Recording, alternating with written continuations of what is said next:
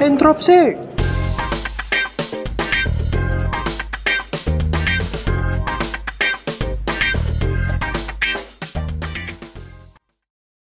Selamat malam semuanya pendengar interupsi. Kembali lagi bersama interupsi. Kali ini kita akan ngobrolnya ada mengundang teman baru di sini. Eh, namanya boleh deh kenalan aja langsung. Halo Mujab. Oh, halo semuanya teman-teman interupsi, salam kenal. Kenal. Eh, boleh dong. Ah kalau kita biasanya kenalan di sini tuh nyebutin Apa nama formatnya eh, apa nih? jurusan sama angkatan. Oke. gue Gak tahu kalau lo biasanya gimana.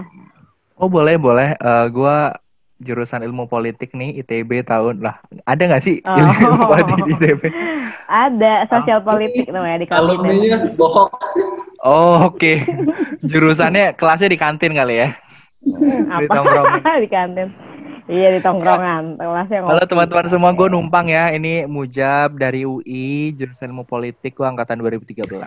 Angkatan masuk ya, masuk 2013. Oke, siap siap terus eh, di sini kita juga ada Ardi ya udah kenalin kenapa jadi gue yang Ya, oke. Halo teman-teman semuanya. Gua Ardi, sekarang di Samarinda. Oh ya, dulu tambang angkatan 2013. Oke Ngapain halo di, di. Samarinda, Di? iya Iya. Samarinda terus tambang Apa itu? Dia sejak mafia tambang cuy di sana. iya tambang Gila, gila. oke terus satu lagi eh oke Hok boleh eh lo maunya dipanggil apa bebas dah Nah, gue di, Terakhir. dikenalkannya gimana ya udah. Halo, selamat ma eh, selamat malam ya. Apa ya? Ya halo teman-teman interupsi per- perkenalkan saya Bohok Alvarian PL 2010 jadi diundang interupsi. Oke, terus ya terakhir eh, gue Audina di sini Interior 2012 yang mungkin akan lebih banyak ini ya, lebih karena gue mengajak ngobrol mereka bertiga jadi gue akan eh, menuntun obrolan ini. Jadi sebenarnya ini tuh hmm, kita tuh mau ngobrolin tentang aktivisme. Cuman eh, pengen dibikin fun ceritanya. Karena eh, sebagai orang aktivis-aktivis itu kan misalnya terlihatnya boring, SJW, terus kayak rese gitu kan. Nah, gimana sih sebenarnya? Apa eh, men- meredefinisi aktivisme di masa apa ya di zaman internet mungkin ya? Jadi kayak eh, kalau dulu mungkin eh, kita punya gap yang cukup jauh dengan negara dan kita harus datang ke tempat eh, pejabat itu ada di sini cuman kan dengan adanya sosial media terus adanya platform-platform yang bisa kita bikin sendiri tuh kita bikin bisa bikin resonansi sendiri tuh kita bisa bikin diskursus sendiri dan diskursus itu bisa dilihat oleh siapa pun, bisa disiarkan kepada siapa pun melalui internet gitu. Mungkin eh, pertama-tama eh, karena eh, Andi dan Mujab ini eh, orangnya agak konvensional atau tradisional, ceritain dulu lah mungkin eh, pengalaman? Ini aktivisme kalian Tuduhan yang- macam apa yang- ini? Tuduhan yang macam apa agak- ini? yang agak primordial gitu, bukan yang ala-ala gitu, yang yang jadul deh gitu. Kalau menurut lo aktivisme tuh kayak gimana gitu? Aduh, Waduh. Di, gimana nih Di? kita dituduh konvensional dan primordial dan tradisional. Tuh. Apa ya? Apa jam aktivisme jam?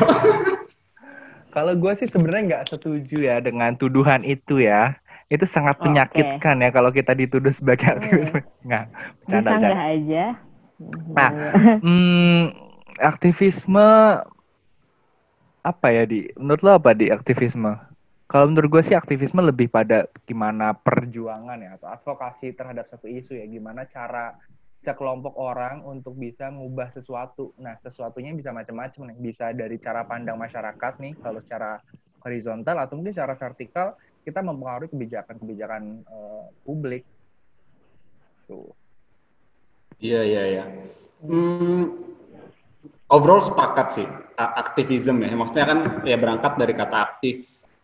Dasarnya kan pasti aktif gitu ya. Aktif dalam hal ini mungkin berkembang secara apa? Secara historis. Jadi yang tadinya aktif, aktif dan orang yang adalah aktivis itu awalnya kan cuma sebatas ya udah gitu ya berkegiatan aktif gitu. ya. Tapi karena sudah bercampur sa- bersama bersama banyak sekali peristiwa akhirnya aktivisme itu menurut gua berkembang gitu nggak cuma sebatas nggak cuma sebatas aktif dalam misalkan let's say orga- organisasi atau di masyarakat tapi dia juga secara secara apa ya mungkin uh, secara langsung gitu ya terlibat dalam perubahan sosial juga gitu. Jadi dia mempunyai mimpi-mimpi besar terhadap perubahan zaman, perubahan masyarakat, terus juga uh, mengkampanyekan gambaran-gambaran atau idealis idealisme-idealisme yang bisa uh, terjadi gitu di tengah masyarakat. Mungkin gua gambarnya kayak gitu kali ya aktivisme itu. Makanya dimensi aktivisme ini menurut gua banyak sih ada ada dimensi individual juga, ada dimensi sosial juga, tapi semuanya pasti akan berkaitan pada satu jalan yaitu jalan perubahan gitu. Coba, tadi gue agak tertangin ya tentang dimensi individual sama dimensi sosial. Nah itu uh, menurut uh, kalian berdua dulu mungkin ya nanti baru kita pindah ke bawah uh, membedakan dua dimensi itu gimana sih? Yang individual kayak gimana? Yang uh, sosial tuh kayak gimana? Contohnya aja langsung gitu konkretnya. Hmm, nah ini sih, gue sebenarnya terkait sama topik yang kita mau angkat sekarang ya, yang mana uh, berkegia beraktivisme, mengungkapkan gagasan, termasuk mengungkapkan gagasan uh, secara pribadi dalam bentuk opini, eksposisi, tulisan, apa pun lah ya, itu uh, ke muka publik melalui ber, berbagai corong lah, sosial media atau apa pun. Nah, menurut gua salah satu contohnya mungkin ya yang paling dekat sama sekarang, tadi kan gue bilang kan ada ada ada apa bersekutu bukan bersekutu apa namanya ber, bercampur ya di jalan berkomunitas atau gimana? akhirnya uh, media sosial okay. kampanye melalui media sosial ini menurut gue salah satu contoh lah din. Jadi ada dimensi individunya di mana dia secara perseorangan gitu ya mengampanyakan ide-ide atau idealisme dia. Di lain sisi dia juga mempengaruhi publik atau masyarakat um, apa namanya ya masyarakat atau society untuk bisa sama-sama berubah gitu. Itu mungkin kalau gue dari gue ya, contohnya adalah penggunaan media sosial dalam kampanye atau menyuarakan pendapat atau opini masing-masing. Ya, yeah, gue sepakat sama Ardi. Uh, media sosial ini pada akhirnya merubah pola gerakan atau pola aktivisme yang dulu memang harus aktivisme kolektif. Sekarang karena adanya media sosial, dengan setiap orang tuh punya platform, setiap orang tuh punya kemerdekaan berpendapat. Nah, jadi dimensi yang tadinya aksi-aksi kolektif ini bisa menjadi aksi-aksi yang sifatnya individual yang kalau pengen eh, apa ya resonasinya semakin besar ya teramplifikasi semakin besar tentu akan nanti ujungnya menjadi aksi-aksi yang sifatnya kolektif gitu. Jadi uh, mungkin tadi itu ya kayak ada orang sendiri yang bisa ngukapin gagasannya, mungkin ada ke arah penokohan juga ya. Maksudnya kayak ada kita look up ke seorang influencer mungkinnya maksudnya orang yang dianggap punya suara yang valid atau dis atau savage atau gimana gitu dan dia dianggap sebagai panutan gitu gitu nggak sih kayak jadi kayak, gitu. personal branding juga kenapa ah, dari dulu menurut gue memang ada penokohan gerakan hmm. ya dari situasi hmm. yang beda misal di sosial media kondisinya sekarang influencer di mana menurut gue kalau dulu kan ya orang-orang kayak Ardi nih ketua BEM dia akan jadi Ya, tokoh Oh, talking to yourself ya, oke. Okay. Enggak, gue cerita Ardi. Nah, kalau kalau sekarang kan selama pendapat lu dalam tanda kutip itu valid dan kemudian banyak orang menyetujui pendapat lu, lu bisa jadi influencer, lu bisa jadi leading opinion gitu. Ini ada perubahan hmm. lah. Perubahan definisi tokoh yang tadi lu sampaikan, Din. Oke, jadi kayak uh, ininya aja sih ya platformnya aja yang beda mungkin kayak dulu hmm. ngelihat orang uh, ngelihat kayak Soekarno dia mungkin harus ada di podium. Nah sekarang oh. platformnya dibikin sendiri sama orang kayak. Dan Soekarno okay. pun ada di podium ya karena posisinya dia nggak sih? Nah kalau yeah, beda itu dia. Dia uh, ya siapa pun gitu loh. Regardless hmm. your background, lu bisa ngomong hmm. kalau pendapat lu valid dan banyak yang dukung, lu jadi influencer gitu. Ya, jadi uh, mungkin bicara. Oke, ya udah. Oke, jadi mungkin ini juga sih ya kayak uh, uh, gue mau menyorot sesuatu sedikit. Jadi memang uh, secara periodik tuh memang shifting di aktivisme atau di gerakan-gerakan sosial politik ya uh, lebih tepat. Lebih fokusnya itu mungkin memang uh, digeser banget sama kehadiran internet. Uh, kalau gue selalu uh, ngasih contoh itu kejadian di Cina di Tiananmen Square tahun 1989 ya Tiananmen Square tuh. Hmm. gue agak salah. Ha? Nah Jadi dulu tuh uh, kan Cina itu kan medianya ini ya closeted gitu ya. Mereka uh, dikontrol negara dan orang uh, media-media berita dari dunia luar tuh nggak bisa masuk ke dalam Cina. Dan waktu itu ada pembunuhan massal di Tiananmen Square, jalur-jalur Tiananmen. Nah itu tuh nggak masuk di berita. Orang-orang tuh nggak tahu ada kejadian di sana. Tapi orang-orang Hong Kong uh, yang yang ada di ada di luar mainland China, mereka itu ngehack kayak sistem faxnya Cina. Itu kan udah mulai ada internet juga tahun segitu. Internet baru banget lah itu.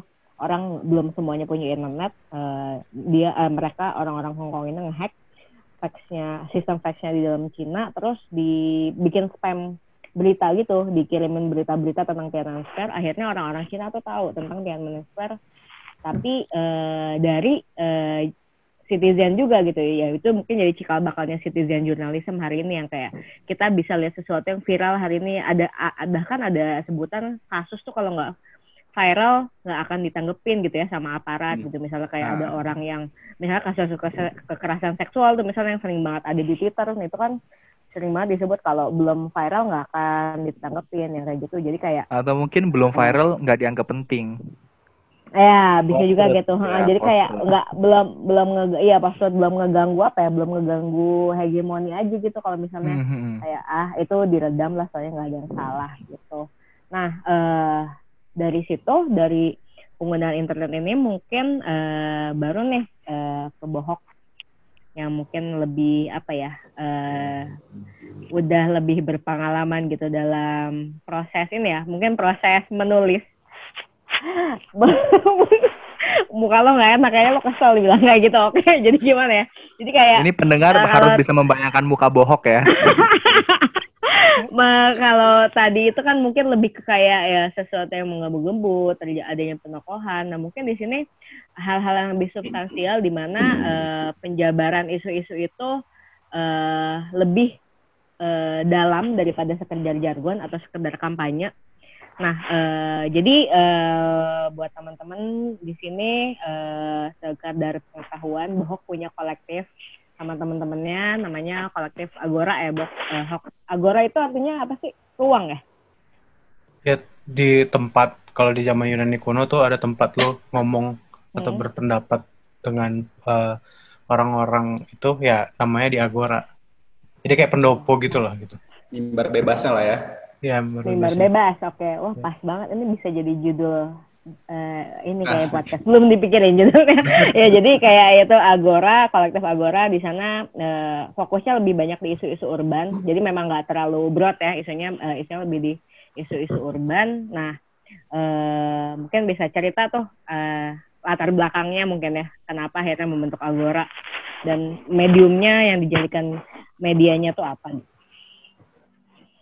Uh, kalau latar belakang sebenarnya uh, ini konteks ya, maksudnya uh, tadi narik ke aktivisme yang disebutin uh, Ardis Mamujab tadi. Sebenarnya kayak ya meskipun kita hidup di zaman yang berbeda, gue sempat menyicipi si aktivisme yang konvensional itu gitu. Jadi kayak uh, menurut gue uh, Agora tidak akan pernah apa kolektif yang sekarang gue kelola tidak akan pernah hadir tanpa ada pengalaman mencicipi hal tersebut gitu. Bahkan dua orang temen gue lebih ekstrim kadar aktivismenya si Angger sama Novel tuh bahkan lebih militan lah gitu dalam uh, aktivisme karena mereka benar-benar main di akar rumput kan gitu. Ardi tau lah cerita itu gitu. Sementara gue cuman cuman di kampus maksudnya kayak gue lebih lihat kayak nggak keluar gue nggak bukan ketua bem bukan aktif di KM tapi maksudnya mengamati itu sebagai sebuah objek pengamatan gitu. Jadi kayak karena gue anak plano terus punya pemahaman yang cukup baik lah soal uh, kebijakan soal politik jadi kayak coba melihat ini tuh bisa ditaruh di mana sih gitu. Jadi yang dilakukan di kampus ini ngaruhnya apa sih gitu. Jadi kita belum ngomong konteksnya digitalisasi nih waktu itu. Maksudnya tahun 2012 2013 tuh belum ngomong aktivisme digital mesti ngomong aktivisme as it is. Dan karena gue anak karena punya pengalaman uh, sebagai anak plano yang bicara tentang partisipasi dalam perencanaan. Gue jadi mikir kayak apa sih sebenarnya yang realistis? Karena uh, aksi aksi di jalan waktu itu mulai turun. Mungkin secara tren nggak turun tapi maksudnya jadi meaningless kalau gue lihat amat gue amati secara masyarakat umum ya. Sebagai mahasiswa tentu gue sangat wah menggebu-gebu nih ikut aksi di jalan. Tapi sebagai dampak secara umum kayaknya lagi nggak baik posisinya waktu itu. Jadi kayak itu dasar kenapa akhirnya gue apa ya cara yang lebih uh, lebih bersahabat lah sehingga lo, ide yang lu jual itu nyampe gitu. Karena gue sepakat sebenarnya waktu sama teman-teman mikirnya lu lebih peduli cara lo apa lebih peduli isi lo ya kayak lo hearing aja lo nggak menang tapi ide lo dipakai nggak apa-apa nggak gitu. Kan ada pertanyaan-pertanyaan gitu. Jadi gue mencoba menarik ke filosofis. Dan cukup lama sih mikir di arena itu apa sih sebenarnya bentuk yang yang sebenarnya lebih masuk akal. Nah di zaman-zaman itu kan anak-anak yang ya dalam tanda kutip aktivis-aktivis gadungan ini juga baca pram juga baca gitu-gitu kan. Dan selalu narasinya itu adalah nulis lah untuk keabadian bla bla bla gitu. Kayak seru nih kayaknya nulis tapi dalam konteks ya kayak lu mempublikasikan ya kalau bahasa kasar itu onan intelektual lah gitu gue bisa menjamin sebagian orang yang nulis tuh melahirkan keinginan menulisnya dalam rangka memenuhi hasrat onani intelektual yang tadi gitu. Tapi it's not a bad thing menurut gue karena kayak itu modal yang cukup untuk supaya lu punya apa namanya uh, bensin supaya lu tetap bisa mendorong diri lu sendiri. Nah, fast forward setelah gue lulus terus gue jadi uh, apa namanya jadi gue jadi asdos kayak gue semakin mempertebal. Jadi isu itu si aktivisme dan partisipasi itu bukan hanya gue jalani dalam konteks hobi uh, atau sebagai ekstrakurikuler di kampus doang tapi emang gue seriusin nih kayak kira-kira bentuk apa sih yang valid nih dalam konteks apa namanya konteks konstelasi pemerintahan kebijakan kita gitu. Sampai akhirnya gue menemukan sebuah formula bukan formula ya, sebuah validasi dari berbagai macam sumber. Akhirnya dia bilang gini kayak uh, salah satu mendorong kebijakan tadi yang dibilang, yang tadi lo sebutin tentang kebijakan dan uh, politik itu bisa didorong dengan yang namanya uh, knowledge public, jadi pengetahuan umum yang publik. Viral itu sebenarnya adalah mendorong pengetahuan bersama tentang suatu isu, ya nggak sih? Kayak lo viral tentang ini, viral tentang itu. Sebenarnya itu lo menggiring sebuah opini atau sebuah pengetahuan tentang sesuatu. Jadi kayak bukan sekadar viral itu ada alasan, ada ceritanya di balik itu. Ada esensinya secara uh, knowledge. Nah, itu yang akhirnya kita nyari bentuk apa yang paling mungkin untuk men-storage knowledge tersebut gitu. Bentuknya adalah tulisan karena itu yang paling concise tapi cukup eh yang paling bisa menjelaskan dan paling bisa nge-store pengetahuan gitu. Gitu kali sih kenapa alasannya kita memilih bentuk kolektif seperti ini. Tapi kalau gue jelas lanjutin kepanjangan. Tapi maksudnya untuk sementara itu sih kali jawaban yang menurut gue menjelaskan kenapa akhirnya aktivisme itu nyambung dengan penulisan. Meskipun di zaman zaman dahulu kayak kita dengar kayak angkatan 66 angkatan 98 udah nulis juga kan. Suhoki juga udah nulis. Tapi maksud gue dalam konteks gue pribadi tidak meminjam mereka untuk melakukan penulis ini. Gue emang memulai ini dalam rangka kalau nggak gini nggak ada artinya yang lo pikir ini emang harus diginiin supaya lo dilirik gitu. Jadi uh, empasisnya itu sebenarnya di kegiatan menulis ya ya. Seperti yang Pram bilang itu menulis adalah bekerja untuk keabadian uh, dan uh, Bohok dan teman-teman juga ngelihat bahwa public knowledge ini kalau dibiarin floating menjadi se menjadi sesuatu yang hanya bertahan di periode yang singkat mungkin ya, ya akhirnya nggak akan jadi apa-apa. Harus dijadiin sebuah apa ya uh, isu dan harus direkam gitu. Mungkin bisa jadi aset historis juga ya menjadi sebuah artefak di mana kita bisa ngelihat uh, di masa-masa ke belakang apa aja sih isu yang atau masalah yang kita uh, hadapi gitu hari ini. Dan uh, yang gue mau nambahin dikit. Contoh tadi kayak kenapa nulis lagi penting dalam konteks aktivisme uh, uh, konvensional ya meskipun tuh label yang nggak baik. Hmm. coba kalau di konteks ITB ya kita lihat yang yang terkenal, mau bahas boleh. yang terkenal itu angkatan 77 terus angkatan 98 karena catatan yang ada tuh tentang dua itu doang Sepakat nggak lo? Putih, Bu. Lo ada buku putih, terus ada buku ya ada buku putih, buku merah. catatan. Nah, kenapa itu Bunya akhirnya jadi legenda gitu? Enggak, nggak mau usah bahas itu. Tapi maksud gua itu bukti powerfulnya arsip yang baik yang tertulis itu gitu gitu. Meskipun sebenarnya angkat di tahun-tahun berikutnya tetap ada sebenarnya loh. Jadi hmm. kajian peristiwa-peristiwa itu tapi nggak terarsipkan dengan baik, tidak tertulis dengan baik. Jadi menurut gua Dema angkatan itu pinter tuh mikirnya karena dia tahu apa yang dia lakukan hari itu ditulis dengan baik. Akhirnya jadi ya bahkan sampai sekarang ya lu udah nggak kenal siapa itu tapi lu kayak anjir gue terbakar baca ginian. Ya nggak? Hmm. waktu lu si bocah-bocah dulu gitu kan. Nah. eh, waktu masih bocah ya. Mungkin kayak perasaannya terresonansi gitu dari tulisan-tulisan kayak apa eh gue pernah dengar juga kalau apa writing moving heart ya jadi kayak Hmm. sebenarnya hati kita hati kita tuh bisa tergerak juga dengan mem- eh, membaca memento atau tulisan gitu Hmm. dan ya itulah eh, mungkin tadi sempat bohong singgung dikit eh Mujab kalau nanti kalau mau cerita boleh ya ini mungkin nanti akan agak terlalu lokal cuman kalau lo mau cerita ntar boleh Nggak apa-apa aku dengerin. eh, dulu waktu masih bocah tuh salah memang betul salah satu masalah di eh, pergerakan sosial politik ITB adalah kayak orang tuh semuanya punya pikirannya sendiri gitu. Dan kita selalu diminta kajian ya. Maksudnya kayak mengapa bisa ya bisa dibilang kenapa anak ITB susah turun demo itu kayak mau turun eh, mau turun nyelup aja harus kajiannya mana dasarnya apa latar belakangnya apa sikap lo seperti apa nanti lo mau eh, membuat resolusi seperti apa. Dan itu tuh harus ada proses apa ya proses berpikirnya gitu loh ada mm, Dan konsolidasi. jelas. konsolidasi ha, kayak gitu dan eh, mungkin kayak suka dibilang Terus juga, akhirnya nggak jadi-jadi ya artinya ya. itu itu kelemahannya itu kelebihannya itu juga kelemahannya gitu ya Iya, iya. ini mungkin kayak kalau dulu mau ngajakin aksi sama ITB itu kayak harus sebulan sebelumnya kayak deh.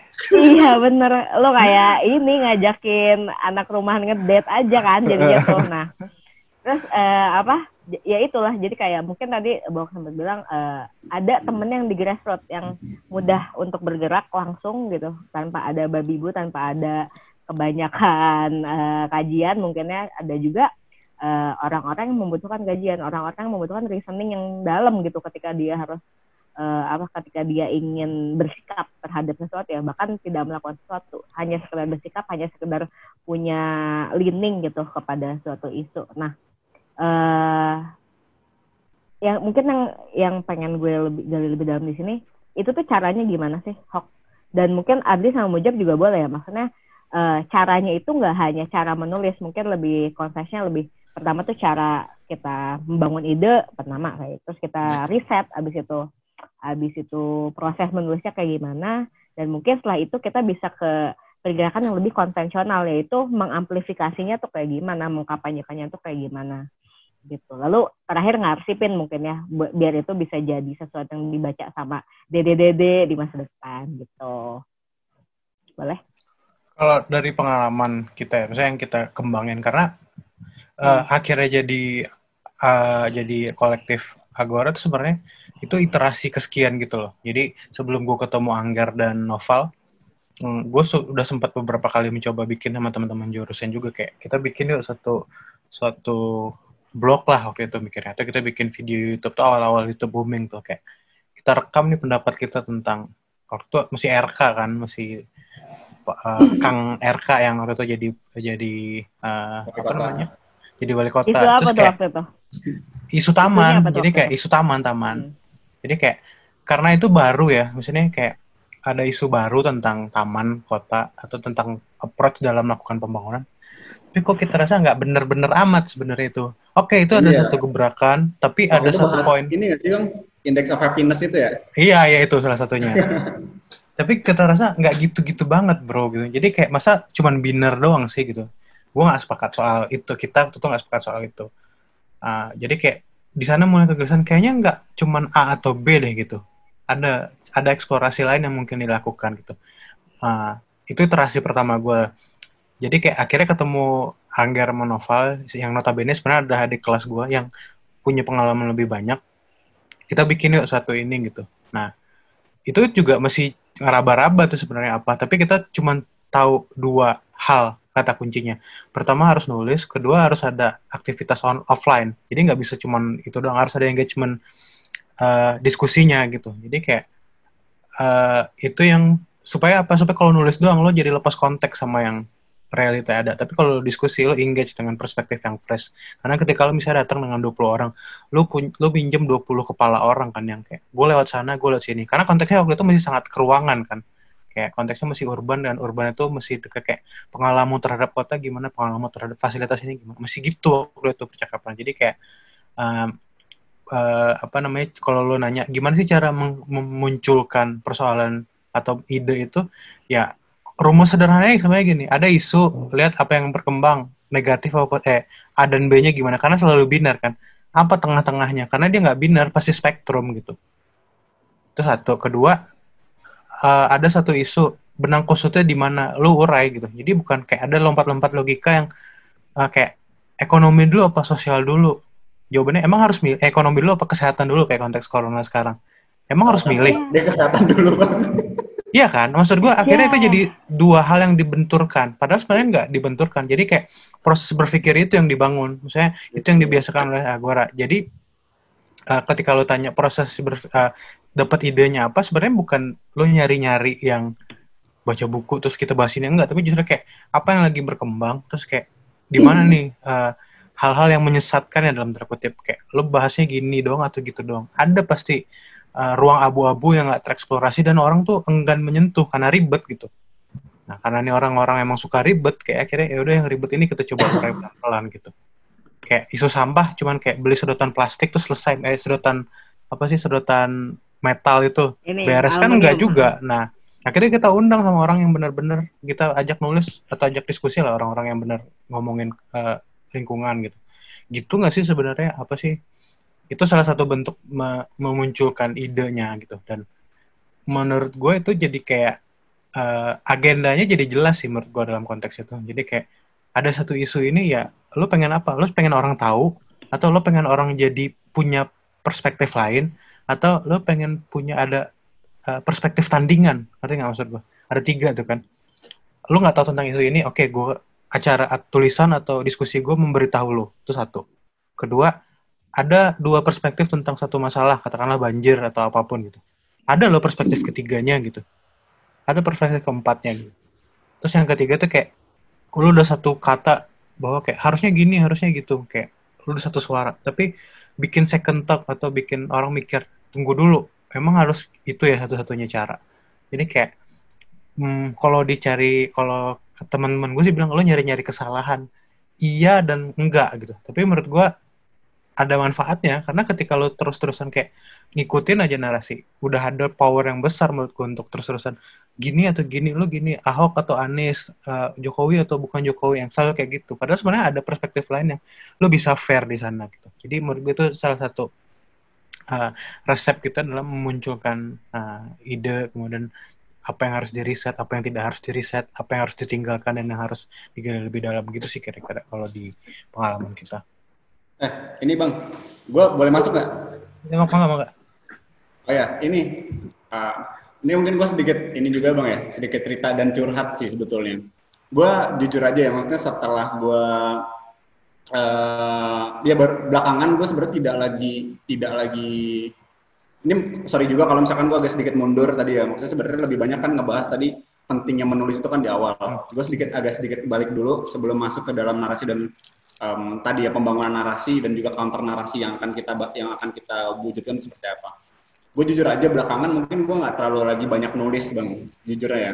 Mungkin uh, semenjak gue beres dari kampus lebih banyak dia nulis untuk untuk urusan pekerjaan, tapi tidak lagi menulis secara publik. Tapi ini juga sebenarnya gue masih mengevaluasi diri ya. Sekarang masih maksudnya masih ngelihat apa efektivitasnya dalam menulis ini seperti apa sih.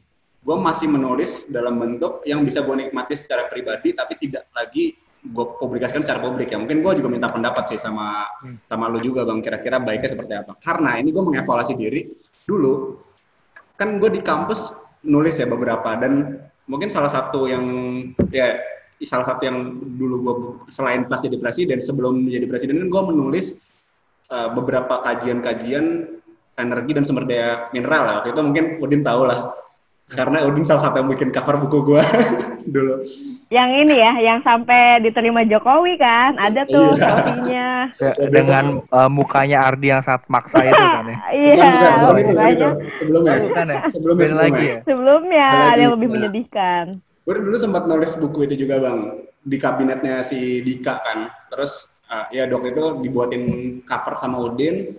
Terus ya udah udah heboh tuh waktu kayak ya udah sampai ke hingga apa menteri SDM ketika itu ya Ignatius Jonan terus apa dan sebagainya nah gue merasa bahwa oh ya ini akhirnya tulisan yang gue buat um, bisa jadi salah satu alternatif nih gitu kan karena udah sampai ke tangan yang gua rasa cukup cukup berwenang lah ya dalam dalam dalam hal ini gitu kan dalam apa yang gua tulis ketika itu. Nah, cuma ketika akhirnya gua ber apa men, ya waktu berjalan akhirnya mulai berkembang tapi ternyata sebetulnya gagasan-gagasan yang coba gua telurkan teman bersama teman-teman yang ngaji dulu juga ya di kampus ya kan waktu itu kan biarpun gue menulis waktu itu tapi kan berangkat dari pemikiran-pemikiran banyak orang juga yang akhirnya bisa gue sarikan dalam bentuk buku gitu. Nah, ketika gue udah bisa dapat tuh buku, udah udah tadi udah sampai ke fase yang itu juga, gue merasa bahwa hampa aja gitu. Maksudnya kayak, oh ya, tapi ternyata gue ngerasa perubahan itu tetap tidak terjadi gitu. Itu yang ini yang mungkin refleksi yang gue lakukan ya, yang gue rasakan gitu. Hmm. Perubahan itu tetap tidak terjadi dan yang gue rasakan, apakah jangan-jangan cara gue dalam, maksudnya cara gue dalam memilih ini ya, memilih medan atau memilih memilih uh, metode yang adalah menulis ini, apakah jangan-jangan itu yang perlu gue evaluasi? Itu makanya sekarang gue sampai di state itu juga.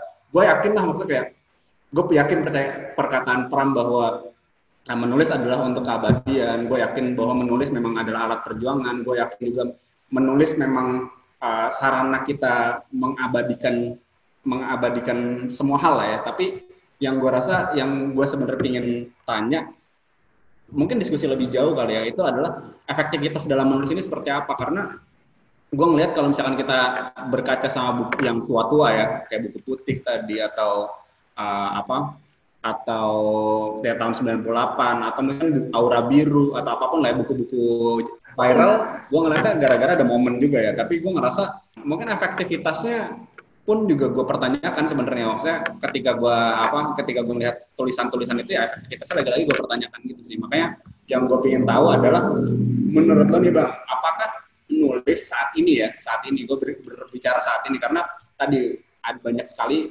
corong kanal dan ada banyak kebebasan yang bisa yang kita pegang hari ini. Apakah menulis dalam bentuk yang um, kita kita tahu ya panjang ada banyak paragraf terus um, terdiri boring. dari ya boring, boring terdiri aja, dari boring. narasi dan counter narasi yang cukup cukup padat di dalamnya solid compact yang akhirnya ngebuat orang nggak baca gitu zaman ini apakah itu masih cukup efektif gitu menurut lo atau justru kita malah mengubah mengubah gaya-gaya kita jadi bit-bit kecil kayak kayak Kak Audina ini kan dia aktivis Twitter nih ceritanya nih atau Kak Mujab ini kan Mujab kan aktivis Kak Mujab ini artis ini ya IG ya. Atau ya itu, atau ya. maksud gue tuh justru apa kita harus mengubah yang tadinya yang mungkin di sini kan spektrumnya ada Odin aktivis Twitter, Mujab aktivis Instagram. kayak aneh gitu ya aktivis Instagram. Penulis gitu ya, yang penulis rasanya. Gitu. real penulis gitu. Nah, kita tuh harus harus jadi spektrumnya seperti apa sih dan bagaimana mengombinasikan itu sih sebetulnya yang justru gue lebih lebih banyak mau gali. Karena gue yakin yang denger ini nih pasti dia ada lah bikin gue pingin nulis tapi sia-sia nggak ya tulisan gue gue pingin bikin Twitter aktif di Twitter tapi sia-sia nggak ya? Atau gue pingin aktif di Instagram gue sia-sia nggak ya? Kayak gitu sih. Jadi makanya gue mau nanya lebih ke spektrum itu berdasarkan pengalaman gue dan evaluasi diri gue ya selama ini Bang, bang, sebelum dijawab, yeah. gue masuk juga kali ya, nambahin yeah. dikit sebenarnya. Wih, uh, bohong konsultan komunikasi. Oke, okay, yeah. lanjut. Oke, okay. gue akan nanggapin dua hal sih. Yang kedua itu akan berkaitan dengan yang statementnya Ardi juga. Uh, hal pertama dari pengalaman gue dan kemudian gue juga belajar secara historis dari gerakan-gerakan sebelumnya, memang menulis dan kemudian diskursus dan gerakan itu menurut gue satu kesatuan yang yang yang saling berkelanjutan dan bergantungan satu sama lain. Jadi dalam konteks gerakan itu menurut gue nggak cukup lu nulis gitu, nggak cukup lu bikin tulisan aja terus lu sebarin, nggak cukup itu. Tapi perlu adanya tadi yang lu bilang bang, tukar menukar ide, tesis antitesis, ada diskursus yang terjadi. Pun ya ketika misal gue di kampus nih, di suatu kampus di pinggiran rel di Depok ya, itu oke okay lah. Uh, eh, kita di pinggiran Bonbin ya. Apa itu? Okay, Universitas Pancasila aja. Lo dari mana sih? Eh, diam FTUI Bandung. Oke. Oke. Oke, balik lagi ya. Uh, oke okay lah BEM atau otoritas gerakan yang ada di kampus bikin tulisan, ujung-ujungnya memang kita harus membangun diskursus ya. Diskursus itu bisa tujuannya macam-macam.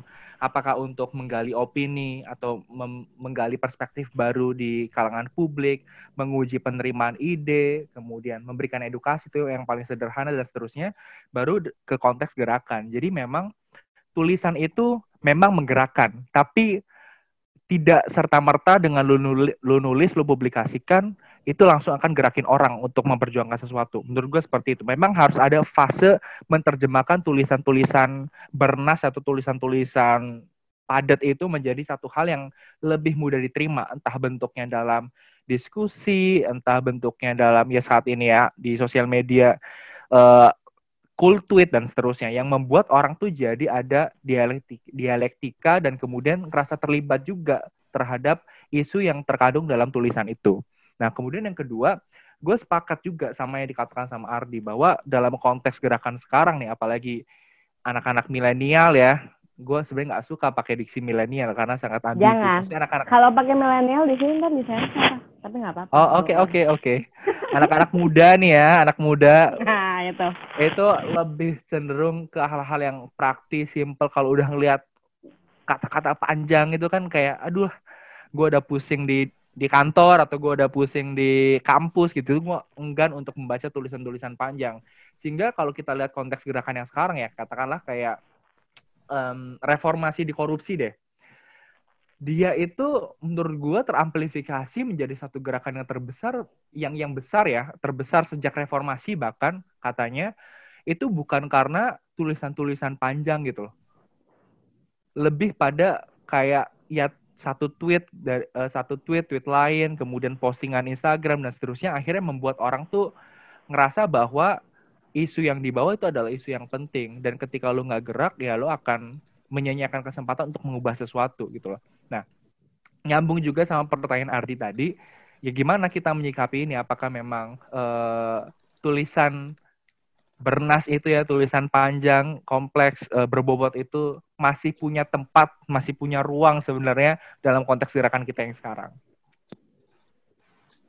Gue jawaban gue akan panjang, panjang karena premisnya berjenjang loh jadi kayak gue oh. ngikutin pelan-pelan premisnya jadi kayak waktu gue masih di kampus uh, ah, gue sempat berdebat panjang sama teman-teman gue menurut lu uh, output aktivisme itu apa atau output kaderisasi itu apa jadi kayak organisasi kemahasiswaan itu outputnya apa kebanyakan bilang outputnya adalah gerakan kan gue orang yang pencilan bilang bahwa output organisasi kemahasiswaan itu adalah orangnya gitu jadi kayak gue tidak terlalu peduli dengan apa yang dilakukan hari itu, tapi gue cukup uh, peduli. Orangnya maksudnya SDM-nya ya, maksudnya yeah. kita sebagai. yeah, jadi kayak gitu. okay.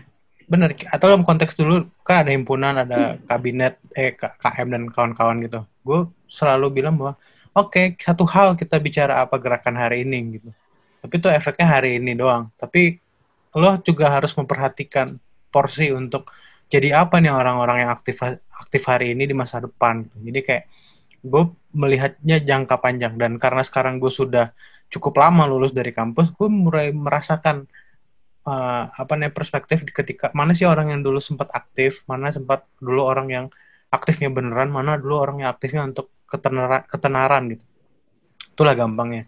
Nah kalau itu satu premis ya bahwa gue termasuk orang yang percaya bahwa salah satu output yang harus diperhatikan itu bukan hanya gerakannya apa tapi orang yang pernah berada dalam itu dia menjadi pribadi yang seperti apa dia memegang nilai apa sekarang yang itu jangka panjang gitu. Nggak sekedar lu dulu jadi aktivis terus jadi fad fad. Ya aduh sebut nama nggak boleh lagi.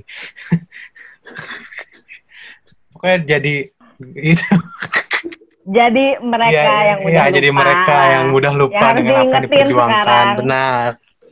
Itu menurut gue jadi poin yang akhirnya gue refleksikan dalam konteks menulis. Jadi uh, ketika lo bilang kayak oke okay, menulis buat apa sih bang? Gue nggak merasa itu mengubah uh, apa namanya mengubah sesuatu. Ya kalau lu tanya gue pribadi gue menulis karena ya gue suka nulis aja gitu. Jadi apakah akan mengubah atau akan memperbaiki sesuatu?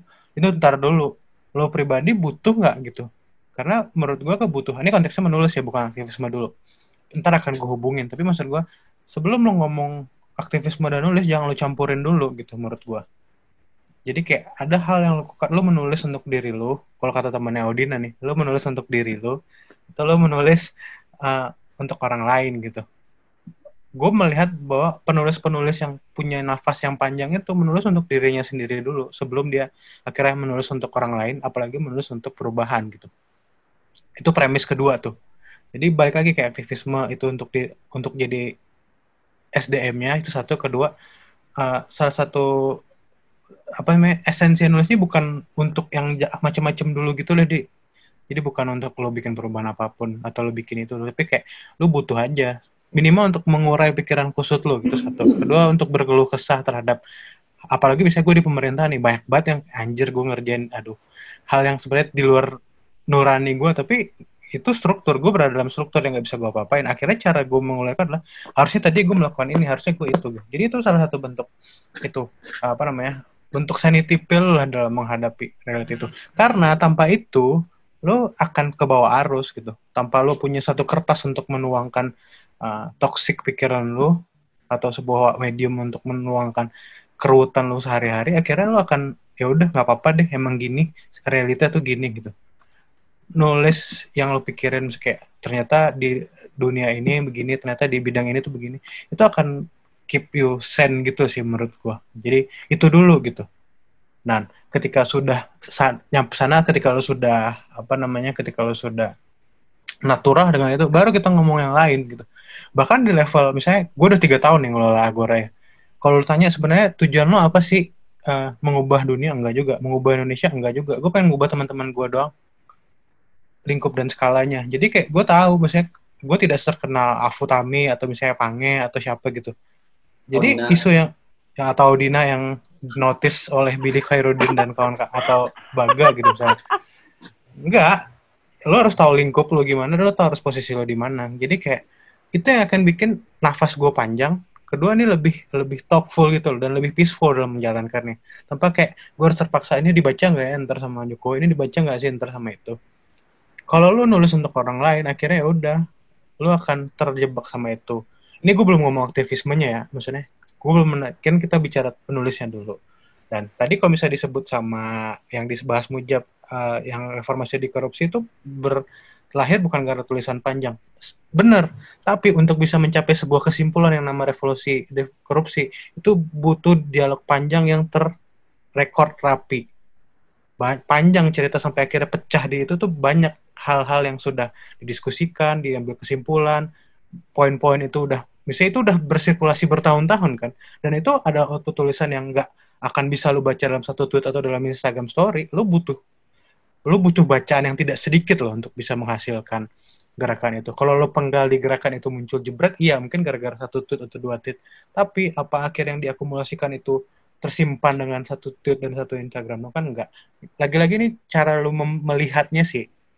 Lo ngeliat informasi ke korupsi itu tanggal 22, itu doang. Eh 27, 22 sih. Itu doang. Atau lo mundur jauh ke belakang gitu. Sama kayak lo ngomong reformasi 98 itu benar-benar gara-gara tahun 98 doang. Atau dimulai dari tahun 7 8 atau peristiwa malari tergantung. Tapi yang jelas apa yang terjadi di sana yang terjadi di reformasi di korupsi punya bekal yang banyak gara-gara hal-hal yang mungkin bukan kita yang nulis tapi orang lain yang nulis gitu. Lo ngerti ngerti ngerti tentang civic society lo ngerti tentang politik lo ngerti tentang represi. Bahkan cara lo me melawan apa namanya melawan gas air mata itu hasil dari record yang sangat baik oleh teman-teman umbrella yellow umbrella di itu kan di Hong Kong itu maksud gue. Nah, apakah harus menulis panjang? Enggak jawabannya. Cuman uh, kalau bahasanya Anggir tuh namanya Ali Wahana. Dia ngambil kata-katanya Sapardi uh, Joko Damono. Namanya Ali Wahana. Jadi ketika lo nulis uh, idea kan sebenarnya. Terus kayak ketika lo jadi Instagram story jangan lo tulis diulang tapi emang lo harus ben mikirin bentuk ketika dia berubah jadi Instagram atau di berubah jadi Twitter nuansanya beda target marketnya beda pembacanya beda. Jadi kayak bukan sekedar nulis terus penggal kurangnya enggak. Itu jadi proses yang berbeda. Tapi lo mulai idenya apa gitu? Entah lo tulis atau lo jadiin tweet atau lo jadiin Instagram story. Ali Wahana bukan sekedar ngurangin tulisan terus jadi muat di 280 karakter atau muat jadi Instagram story. Menurut gue jauh lebih kompleks sih prosesnya. Dan akhirnya spektrum itu berkembang dan kadang nggak nyambung bisa jadi karena proses berpikirnya akhirnya berbeda lo ngomongin tentang misalnya apa public uh, partisipasi gitu misalnya atau ngomongin politik lo nulis panjang lo harus elaboratif. Tapi ketika lo nulis di Twitter, lo harus membakar. Di Instagram harus menarik. Ngerti nggak maksudnya bedanya? Kali wahana itu. Dan gue merasa sebenarnya nggak tepat juga sih kalau misalnya Agora cuma nulis doang karena lo lihat fitnya Agora sangat itu gitu, maksudnya sangat di build untuk itu. Kita sangat memperhatikan ini cuma boleh maksimal sekian kata, ini grafiknya harus begini, maksimal carouselnya segini. Hal-hal itu dipikirin karena untuk men, me, apa ya, melayani purpose idenya bukan sekedar ini estetis apa enggak uh, form follow function lah kalau kalau kata kata arsitek dan desainer gitu. Jadi uh, yang kayak gitu-gitu memang akhirnya trend of thought-nya beda. Orang yang nulis di Agora dengan orang yang bikin konten dalam tanda kutip Instagram story atau misalnya itu emang jadi bisnis proses yang berbeda sama sekali gitu. Dan gue sepakat nggak bisa apa namanya nggak bisa nggak bisa selamanya uh, lo nulis apa namanya panjang-panjang gitu. Tapi ini kalimat jawaban terakhir gue, semua salah akan menemukan pembacanya. Gitu. Hmm. Gitu. gitu sih kira-kira menurut gue jawaban yang yang bisa gue share. Oke, okay. Virgo banget nih jawabannya bahwa kayak ada closing statement gitu. Oke, okay, ah, jadi lu percaya zodiak salah. gua nggak percaya zodiak zodiak nih. Oke oke bentar. Uh, mungkin gue akan merangkum uh, dikit ya dari hasil tadi kita ngobrol. Jadi sebenarnya tadi uh, Ardi itu mempertanyakan uh, ini kebetulan menarik ya jadi kayak stance-nya udah jelas. Ardi tuh mempertanyakan gue tuh nulis panjang-panjang ribet-ribet membosankan segala macam. Ini ada nggak sih yang baca? Ada nggak sih gunanya untuk orang di sekitar gue untuk isu-isu yang sedang gue hadapi saat ini? Uh, dan kayak kalau misalnya ternyata nggak ada gunanya uh, dulu Ardi udah bikin sesuatu apa lagi energi ya namanya buku tentang energi yang bahkan udah sampai ke presiden tapi kok sekarang uh minder akhirnya gue juga kemarin gitu kan? Kayak ya gimana tuh? Gitu kan? Aduh, kayak ah kayak useless mungkin berasanya. Nah eh sedangkan kalau menurut Mujat eh, sebuah gerakan tuh sebenarnya eh, uh, yang penting pemantiknya aja. Yang penting kayak uh, akhirnya orang bisa sadar dengan beberapa pitch ya mungkin kayak bisa disebut kayak dengan beberapa apa trigger gitu kan hingga akhirnya bisa menciptakan gerakan yang cukup uh, uh, salah satu yang terbesar setelah reformasi benar se, se kalau seingat gue sih dulu uh, tahun lalu semua media ngutipnya kayak gitu ya reformasi di korupsi. Cuman hmm, uh, Bohok menjawab ini ceritanya acara Bohok menjawab. Jadi Bohok menjawab uh, orang tuh uh, kita tuh mungkin ini ya bisa uh, ngembalin lagi uh, uh, tujuan kita nulis mungkin yang tadi sebenarnya kita tuh nulis buat siapa sih? Apakah buat diri kita sendiri atau buat orang lain? Atau ya kalau kita mau ngomonginnya platonik, kita harus selesai dulu lah sama diri kita sendiri. Maksudnya biasanya kita tergerak untuk nulis itu karena ada keresahan sendiri ya. Maksudnya dulu gue kebetulan pernah nulis uh, buat Agora. Enggak sih, dulu sebenarnya gue nulis uh, aja di medium gue. Cuman kayak ternyata uh, cocok sama kontennya Agora lah ya. Jadi waktu itu gue nulis tentang ini loh ada uh, sculpture bambu yang di Jakarta waktu Asian Games itu kan uh, Anies sempat diserang banget tuh gara-gara katanya kata uh, si patung bambunya porno segala macam. Akhirnya di situ karena gue dulu pernah punya background di uh, exhibition di galeri, uh, gue menulis tentang seni untuk ruang publik. Apakah uh, si si apa itu kan dampak dari ini ya, dampak dari politik elektoral elektoral ya. Maksudnya itu uh, akhirnya si karya seni ini diserang sama buzzer itu gara-gara uh, Anisnya, bukan gara-gara karyanya, bukan gara-gara senimannya gitu. Akhirnya kayak jadi korban aja gitu si karya seni ini dari apa korban dari uh, apa politik yang divisif politik itu. Nah, ya gue di situ waktu itu nggak ada niatan sama sekali. Maksudnya gue nggak nggak pengen mengubah sesuatu, gue nggak pengen juga si patung itu akhirnya bertahan lama di Jakarta sampai berapa puluh tahun ke depan, atau gue nggak pengen juga Anies menambah suatu karya publik di tengah kota Jakarta. Gue hanya pengen menyampaikan bahwa yang gue tahu karya seni itu punya fungsi untuk menambah konteks ruang gitu. Itu sebenarnya tulisan curhat ya. Gue nggak bisa bilang itu merubah sesuatu karena menurut gue itu ya udah itu gue nulis aja dan uh, dari situ juga gue belajar gimana cara untuk uh, uh, menghadapi perbedaan pendapat ya. Mungkin banyak dari kita nggak berani nulis itu uh, karena takut di uh, diserang atau enggak di apa ya dilawan gitu pendapatnya. Kayak enggak gitu kok yang lo pikirin atau uh, misalnya kalau di Twitter sih kayak kadang kadang-kadang orang tuh takut kalau udah kayak diajak kayak diopos diajak tweet war segala macam tuh itu itu sih uh, mungkin butuh courage dulu gitu ya buat buat, buat menulis uh, dari yang pendek aja kayak tweet gitu kita harus bisa apa ya tahu uh, harus tahu konsekuensinya juga gitu. Terus uh, menulislah untuk diri sendiri habis itu baru untuk orang lain atau mungkin ntar untuk perubahan. Dan kita bisa ngurai pikiran kita dari situ. Atau mungkin uh, Ardi uh, tulisan lo yang waktu itu lo tulis dua tahun lalu eh berapa tahun lalu? Empat tahun lalu tuh mungkin nggak harus hari ini atau bulan depan atau tahun depan gitu ada efeknya. Mungkin bisa jadi kayak buku putih gitu yang bertahun-tahun berpuluhan tahun kita nggak tahu siapa aja yang siapa aja yang baca akhirnya membuat uh, seseorang uh, di angkatan 2013 ingin menjadi ketua presiden kayak ITB kan lo nggak tahu gitu kan misalnya kayak gitu. Terus uh, nah kalau buat uh, si reformasi di korupsi ini juga menarik ya. Uh, menurut gua uh, semua gerakan tuh kayak gini ya. Eh, jadi tadi disebut sempat disebut sama Bohok ada abang ada istilah namanya form follow function itu dari arsitek namanya Louis Sullivan.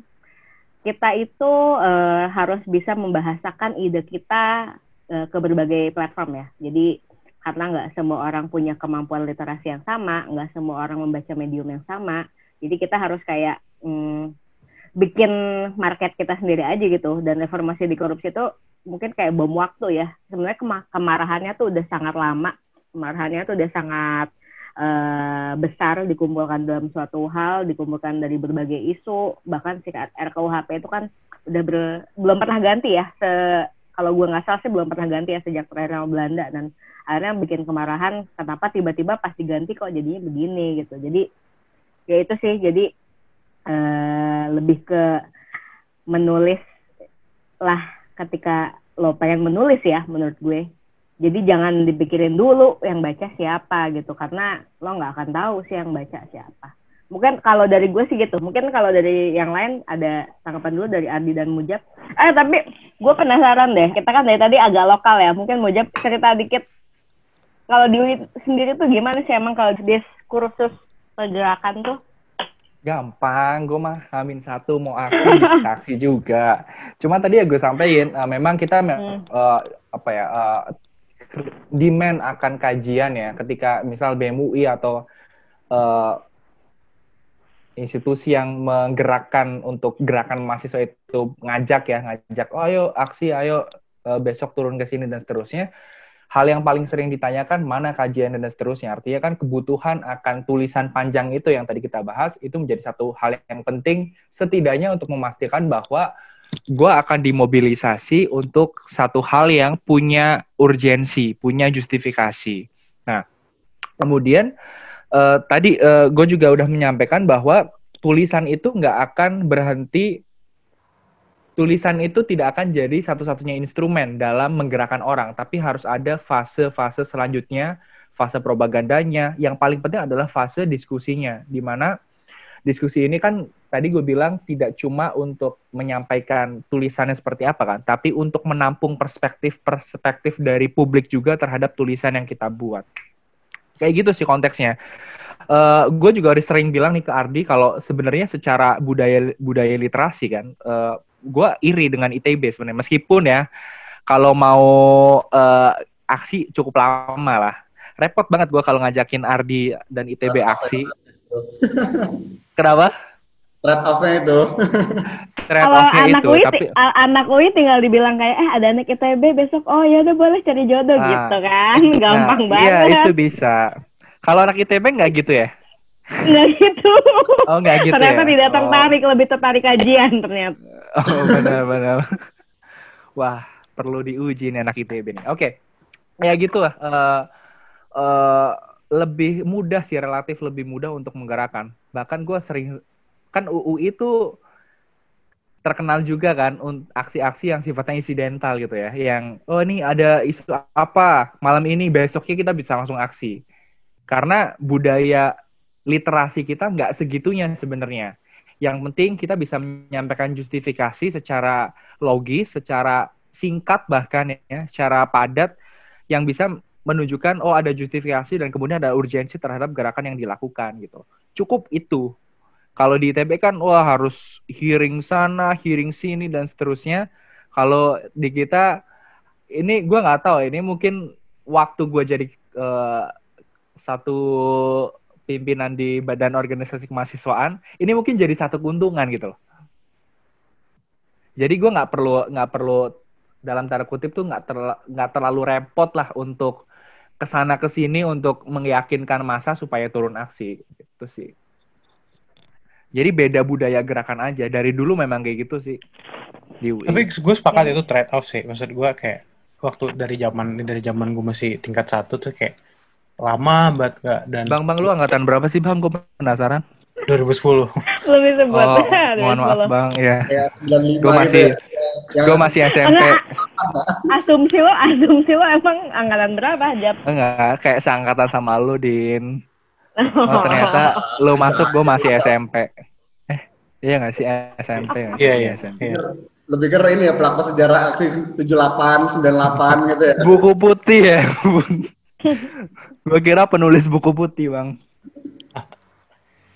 Ini gue mau apa? Gue lupa tadi. Oh ya gini, emang tuh trade off trade sih. Off. Akhirnya kayak kayak uh, mungkin itu saat uh, gue lihat salah satu penyebabnya karena jauh bukan jauh ya. Lu butuh effort ke Jakarta untuk bikin 30 atau 40 orang mau mabal kuliah itu tuh effortnya gede gitu jadi kayak lu harus bener-bener nih berangkat ke Jakarta mabal nyewa nyewa bus apa lu mau ngapain ngomong apa. Menurut gue tuh salah satu faktor receh kecil tapi menurut gue ini pengalaman amatan gue aja itu ngaruh gitu loh. Kayak apa sih apa sih tuntutannya? Benar ah ntar kentang.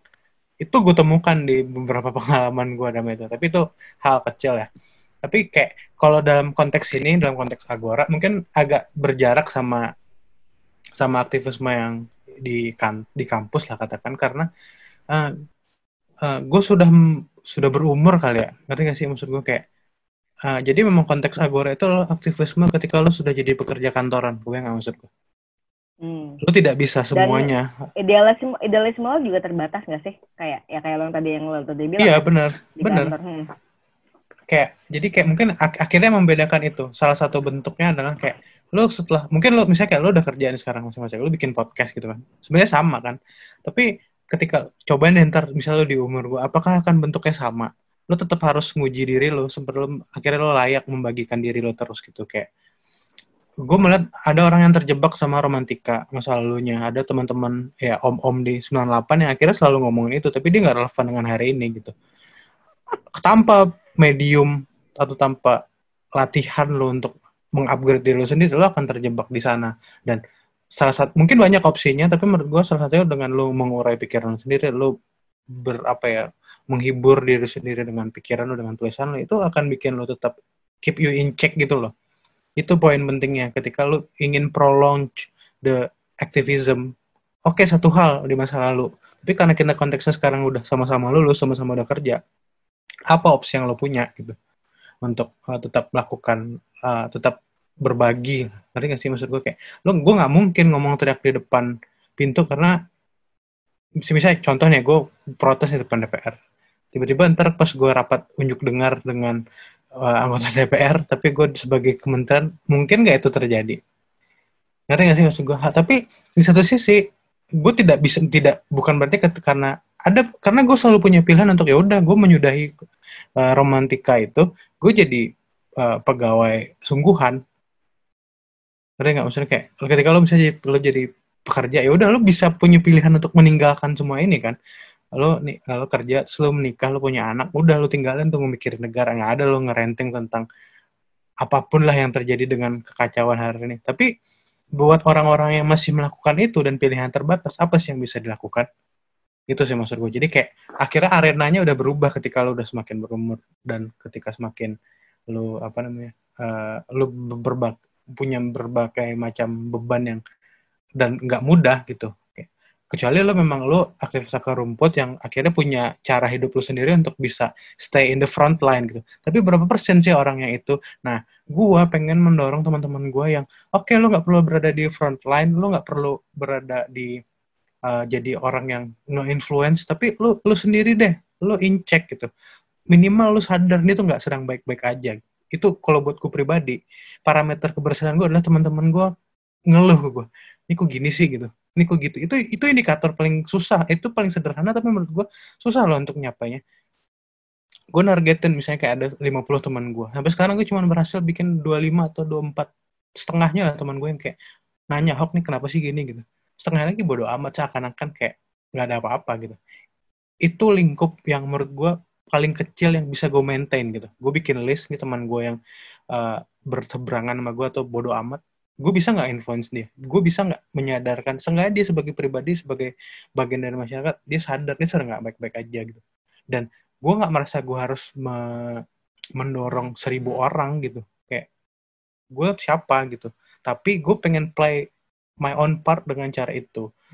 Uh, balik lagi konteks tadi apakah itu disebut aktivisme apa enggak gitu orang bilang kayak kok gitu dong malah bukan aktivis. Ya menurut gue tuh bodo amat lah terserah untuk itu. Tapi apa sih part lo? Balik lagi karena tadi gue mencoba mengkaji ini memang dari konteks partisipasi masyarakat ada root teorinya gitu loh ada esensinya. Lu ngomong on behalf yourself gitu. Dan gimana lo bisa ngomong kalau lo aja nggak sadar kondisi kita ini udah di, lo ngerti lah ya kita tuh negara yang di depolitisasi sekian lama gitu. Jangan kan ngomong aktivisme dan itu oke okay, ada aktivis tapi maksudnya itu kan sangat segmented gitu berapa persen sih? Nah gue pengen agenda itu adalah bikin lo jadi terpolitisasi masyarakat yang politis dalam tanda kutip gitu loh. Lo sadar ini nggak baik-baik aja lo ngedorong lo bisa ngomong atau bisa sadar ini tuh nggak kondisi yang gue pilih gitu.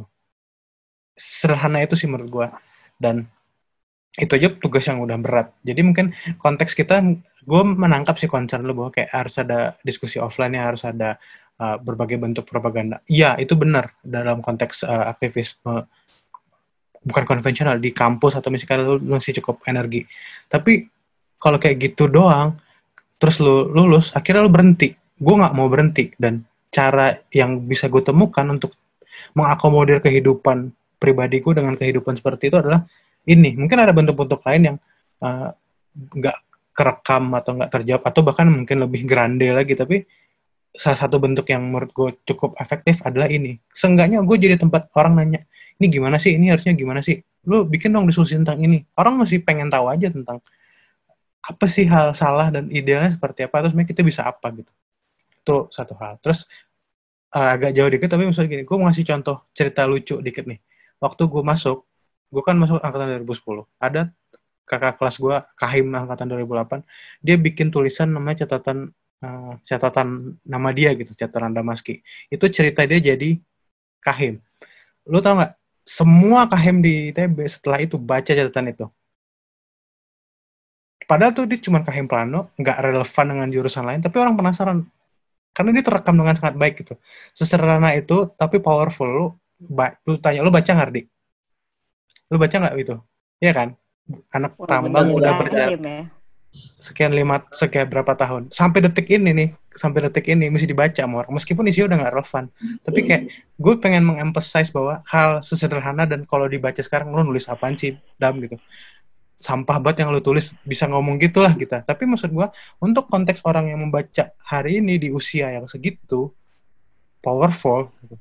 jadi menurut gue kayak dan bisa gue bilang tulisan itu yang akan mengantarkan anak-anak mesti polos-polos itu anjir gue terbakar dan gue ingin menjadi seorang uh, apa aktivis sejati. Kahim. Iya, tapi maksud gue ya itulah gitu contoh.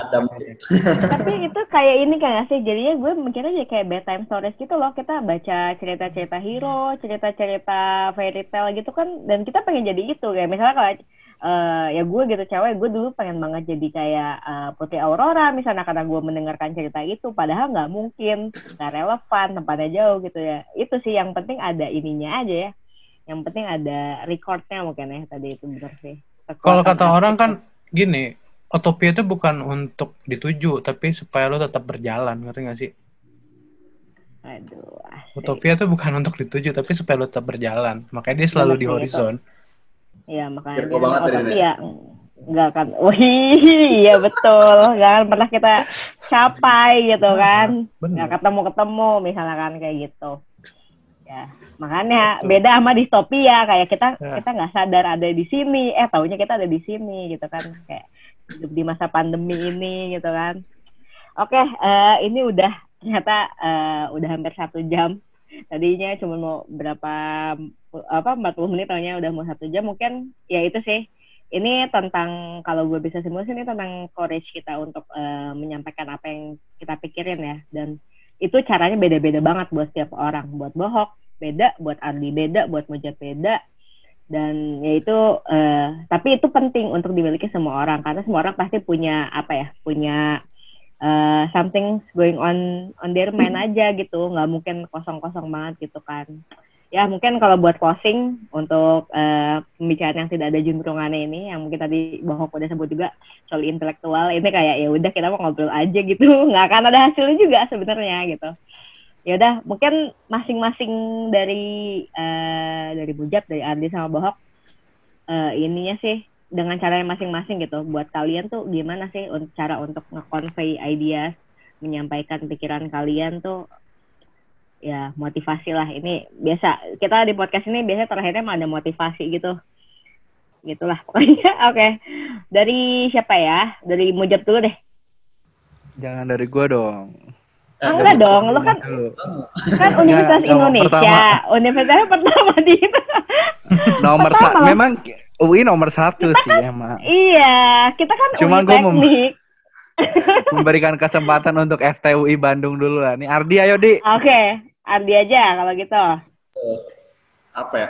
Ya, kalau gue ya, maksudnya insight paling utama dari pembicaraan kali ini adalah sebenarnya gue makasih banget sih buat apa Bang Bohok juga karena sebenarnya pemahaman gue tentang men pentingnya menulis terus juga um, ya kepercayaan-kepercayaan gue di masa lampau itu sudah selesai sudah di kampus. Dan gue gue memahami juga bahwa diri gue sendiri sudah sudah apa ya sudah mengerti hal tersebut. Tapi memang yang satu hal yang gue lupa tadi yang yang lu sempat ingetin yaitu adalah menulis untuk diri sendiri. Karena memang setelah berjalan waktu ya, uh, eh, gue selalu menginginkan tulisan itu berdampak. Tulisan itu bisa merekam uh, ke semua eh, ke berbagai berbagai pemikiran sehingga pemikiran tersebut tersalurkan dan bisa mengubah yang lain gitu. Tapi gue lupa sebenarnya memang bahwa tulisan yang baik itu adalah tulisan yang memang benar-benar menyelami diri sendiri, dibawa dari hati dan mau mau apa keluar dengan dengan apa adanya gitu ya dari diri sendiri itu sih mungkin yang gue dapat kali ya pada uh, diskusi kita kali ini dan kan pesan gue buat teman-teman yang mendengarkan adalah uh, gue setelah ini pun gue akan akan kembali mencoba untuk kembali menulis sih. Karena ya tadi gue memang ada satu sisi dalam diri gue sendiri yang emang hilang karena gue tidak tidak lagi menulis dan mencoba untuk mengevaluasi diri sepanjang ini dan belum menemukan lagi alasannya. Tapi hari ini gue menemukan bahwa ya memang menulis itu untuk diri sendiri dan itu gue lupa dan memang butuh diingetin yang tadi diingetin lagi akhirnya sama bang Bohok ini. Mungkin itu kali ya buat teman-teman juga yang lupa ya itu menulis emang untuk kesenangan diri gitu nggak nggak nggak lebih mungkin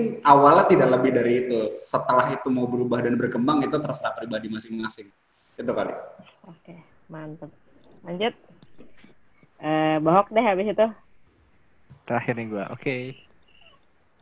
Gue ada dua oh, hal iya. sih. Uh, pertama, uh, ke dalam konteks urban atau konteks kebijakan publik, omongan lu sendiri itu valid. Jadi misalnya, lo nulis tentang pengalaman gue jalan di pinggir uh, apa namanya pinggir UI atau misalnya karena gue tinggal di Depok nih sekarang jadi gue secara keruangan paham apa yang lo maksud. Tapi itu valid. It, lu nyatet lu nulis nih di blog gue gue kemarin ngeliat sampah di sini gue liat macet di sana. Itu bisa jadi knowledge yang bisa digunakan oleh policy maker untuk itu. Jadi kayak lo nulis karena gue melakukan itu sendiri kayak gue pengen tahu nih kondisi di Sulawesi yang gue gak pernah tahu gue nyari di Google atau di Twitter dia ngomong kayak dia cerita masalah gue di sini masalah gue itu oke itu itu cuma jadi berita atau cuma jadi narasi tapi itu bisa jadi dasar atau memulai lo bikin policy making yang lebih baik gitu. Itu sesederhana itu loh. Atau misalnya lo cerita tentang bagaimana sih penanggulangan stunting di desa mana gitu. Dia nulis curhat doang di Facebook, tapi itu bisa jadi dasar yang sangat berharga untuk policy making di Jakarta untuk nge-grabs gimana sih kondisi di sana, apa sih kendalanya gitu. Itu gue pengen ngasih perspektif lain tentang nulis bahkan lo cuma ngeluh doang itu bisa jadi hal yang valuable untuk policy maker jauh. Itu satu. Kedua kalau menurut gue salah satu bentuk yang paling gampang atau paling inspirasi untuk orang-orang itu adalah lo baca autobiografi sih. Salah satu autobiografi ter terfavorit gue ada dua. Pertama tuh autobiografinya Ben Anderson kedua autobiografi bukan autobiografi mungkin catatan personalnya Haruki Murakami tapi bukan tentang nulis novel ya tapi tentang uh, aktivitas larinya dia kan pelari tuh dari dua tulisan itu sebenarnya gue menemukan satu benang merah sih. Pas mereka nulis autobiografi atau memoir mereka itu, mereka nulis untuk diri mereka sendiri di masa depan. Dulu gue pernah gini, gue dulu pernah begitu. Jadi antara dia nulis untuk mereka di masa depan, inget loh nanti gue tuh pernah melakukan ini. Jadi terekam tuh semua perasaan-perasaan dan pengalaman mereka.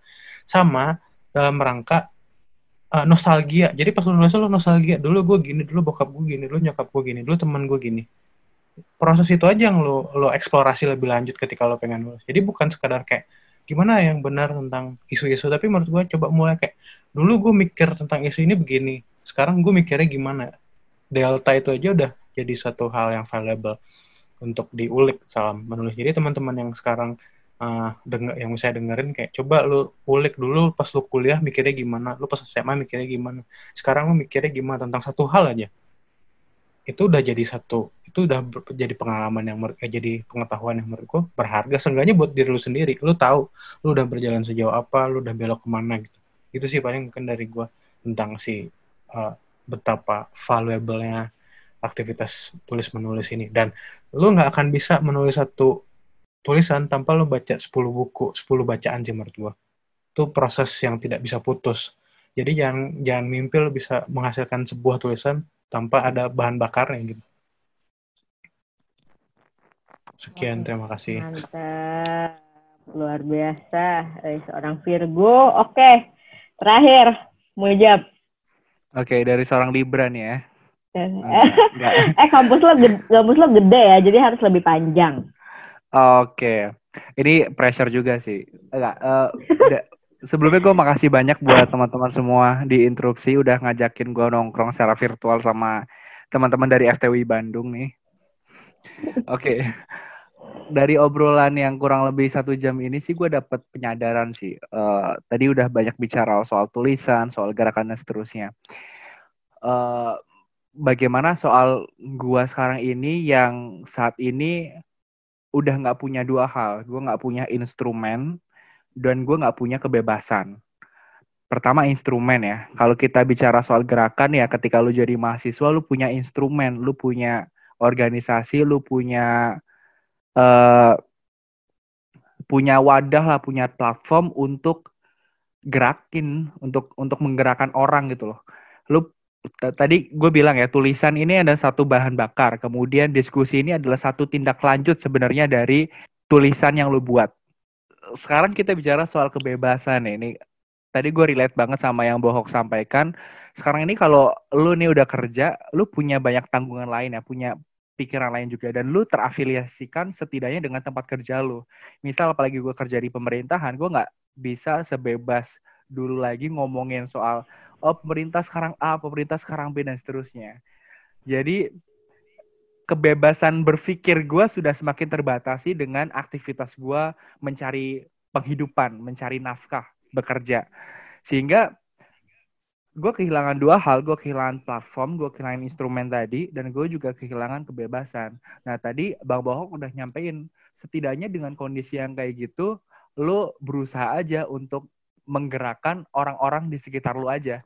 Lo nggak lu nggak punya instrumen, lu memang nggak punya kebebasan, tapi dengan pengetahuan dan uh, pemikiran yang lu punya, sudah berapa perubahan yang lu capai. Ini bukan kita bicara soal lu ngubah kebijakan apa, tapi sudah, sudah berapa banyak orang di sekitar lu yang berubah perspektifnya karena ngobrol sama lu, sudah berapa orang yang lurus lagi perspektifnya karena diskusi sama lo dan menurut gue itu esensi dari bergerak ya ketika lu nggak udah nggak punya dua instrumen itu. Lu nggak punya sorry nggak punya instrumen dan lu nggak punya kebebasan. Gitu sih kalau dari gue ya